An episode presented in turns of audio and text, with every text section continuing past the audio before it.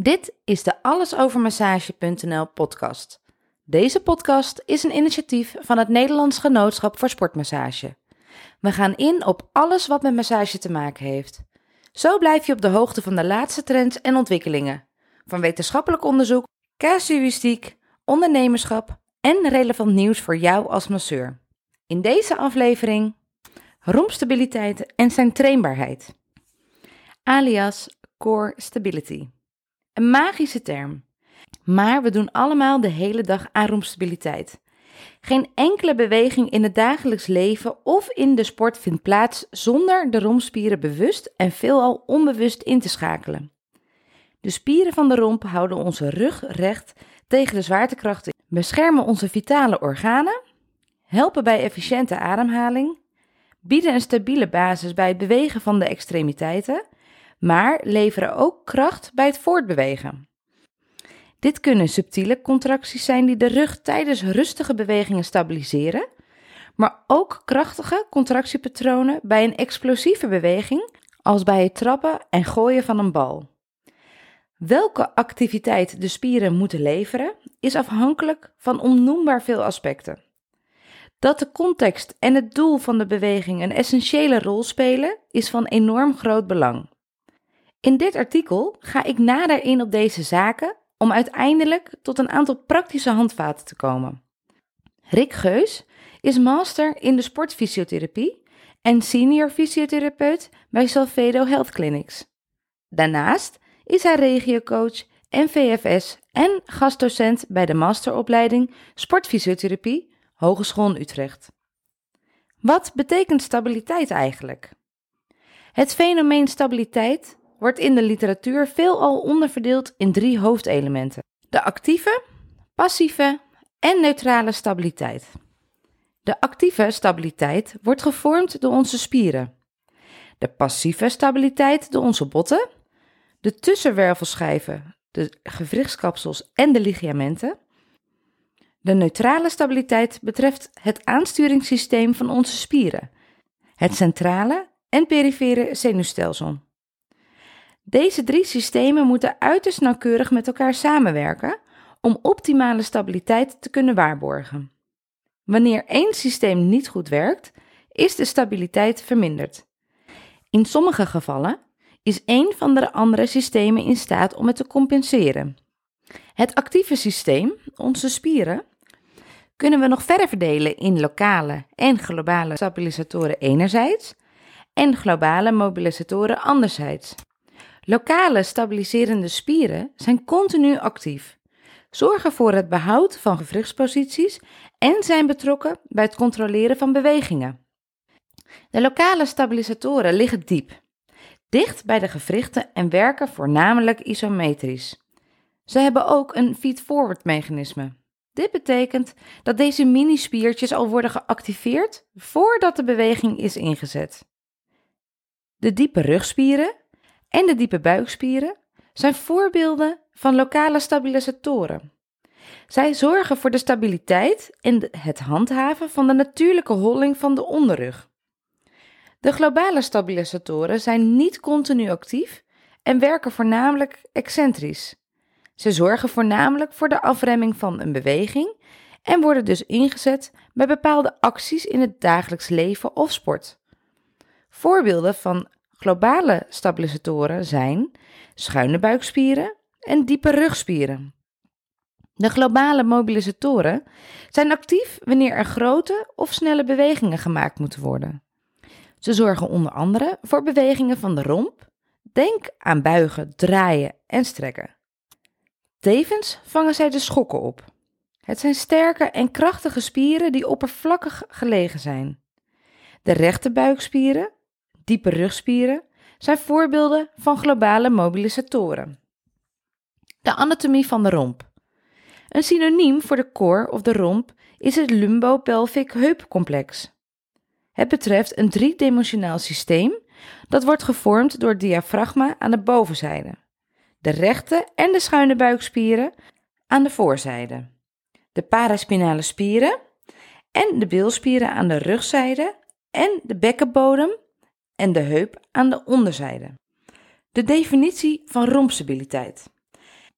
Er bestaat tot op heden nog geen duidelijke definitie voor rompstabiliteit. De meeste functionele definitie is van Kibler uit 2006. Het vermogen om de positie en beweging van de romp ten opzichte van het bekken te controleren, waardoor er optimale krachtoverdracht kan plaatsvinden van de romp naar het bekken en naar de extremiteiten. Hoe meet je de stabiliteit van de romp? Vanwege de gedachte dat een goede rompstabiliteit prestatiebevorderend kan werken en de kans op blessures kan reduceren, is er de laatste jaren een groot arsenaal aan rompstabiliteitsoefeningen ontwikkeld. Maar hoe meet je, voordat je zomaar iets gaat trainen, of een sporter voldoende stabiliteit van de romp heeft? Er bestaan nog geen gevalideerde testen voor het meten van stabiliteit. Er zijn wel testen die een indicatie kunnen geven. Hierna volgen vier testen. Deze zijn ook na te lezen op allesovermassage.nl.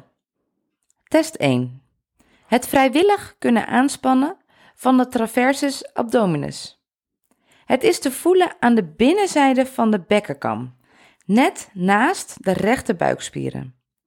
Vraag de sporter om de navel in te trekken, zonder diep in te ademen en voel wat er gebeurt onder je vingers. 2. De extensie-uithoudingsvermogenstest.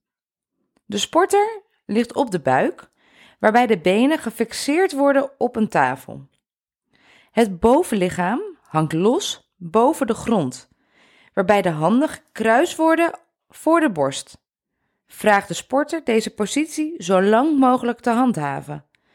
De gemiddelde tijd bij mannen is 146 seconden en bij de vrouw 189 seconden. 3. De bestaande balanstest. Laat de sporter op één been staan en kijk naar de uitvoering.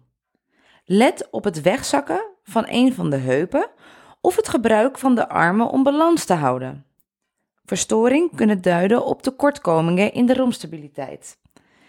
Vergelijk de linker met de rechterkant. En de vierde test, de eenbenige squat. De bestaande balanstest kan worden uitgebreid met de eenbenige squat. Vraag de sporter een squat te maken, een kniebuiging, op één been. Kijk opnieuw naar de kwaliteit van bewegen. Een verminderde romstabiliteit kan zich tijdens deze oefening uiten in het gebruik van de armen voor het evenwicht, overmatige rompbewegingen, het wegzakken van de heup of het naar binnen zakken van de knie. Het nadeel van de bovenstaande testen is dat deze één domein van de rompstabiliteit beoordelen en daarom geen compleet beeld geven.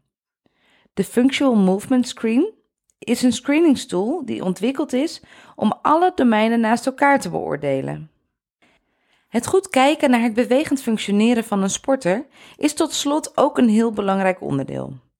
Zeker als je je goed verdiept in bewegingspatronen die specifiek zijn voor een bepaalde sporttak, kun je zien of iets juist of niet goed juist verloopt.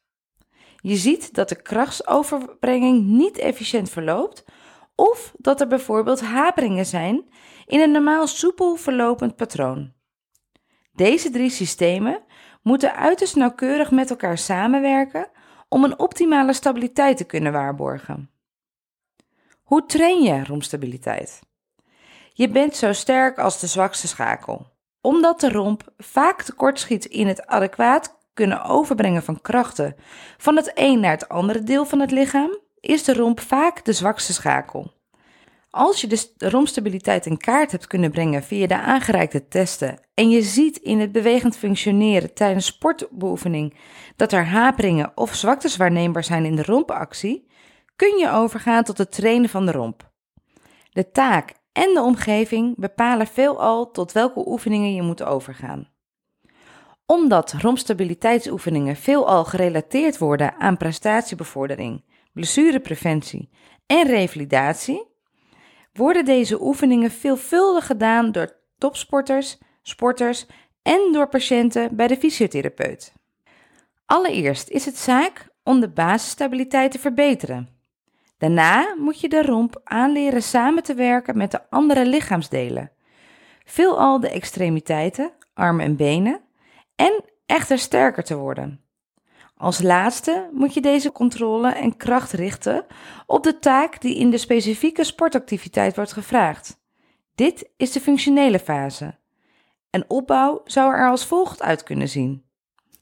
Start met selectieve activatie van de lokale stabilisatoren in neutrale positie van de lumbale wervelkolom, in rugligging of in hand-kniestand. Belangrijk is de bewustwording van het geïsoleerd kunnen aan- en ontspannen van de transversus en de multifidi, zonder contractie van de omliggende spieren en zonder verandering van de lumbale ladorse en ademhaling. Dit wordt ook wel het bracen van de lumbale wervelkolom genoemd. Naast het bracen is het bekkenkantelen een belangrijke oefening voor de neuromusculaire controle van de lokale stabilisatoren. Begin in een onbelaste houding en wanneer de oefening goed wordt uitgevoerd, kan er gewerkt worden naar een belaste houding, bijvoorbeeld zittend of staand. Het doen van heel veel herhalingen, liefst elke dag 20, staat centraal in deze fase. Automatiseren is het sleutelwoord.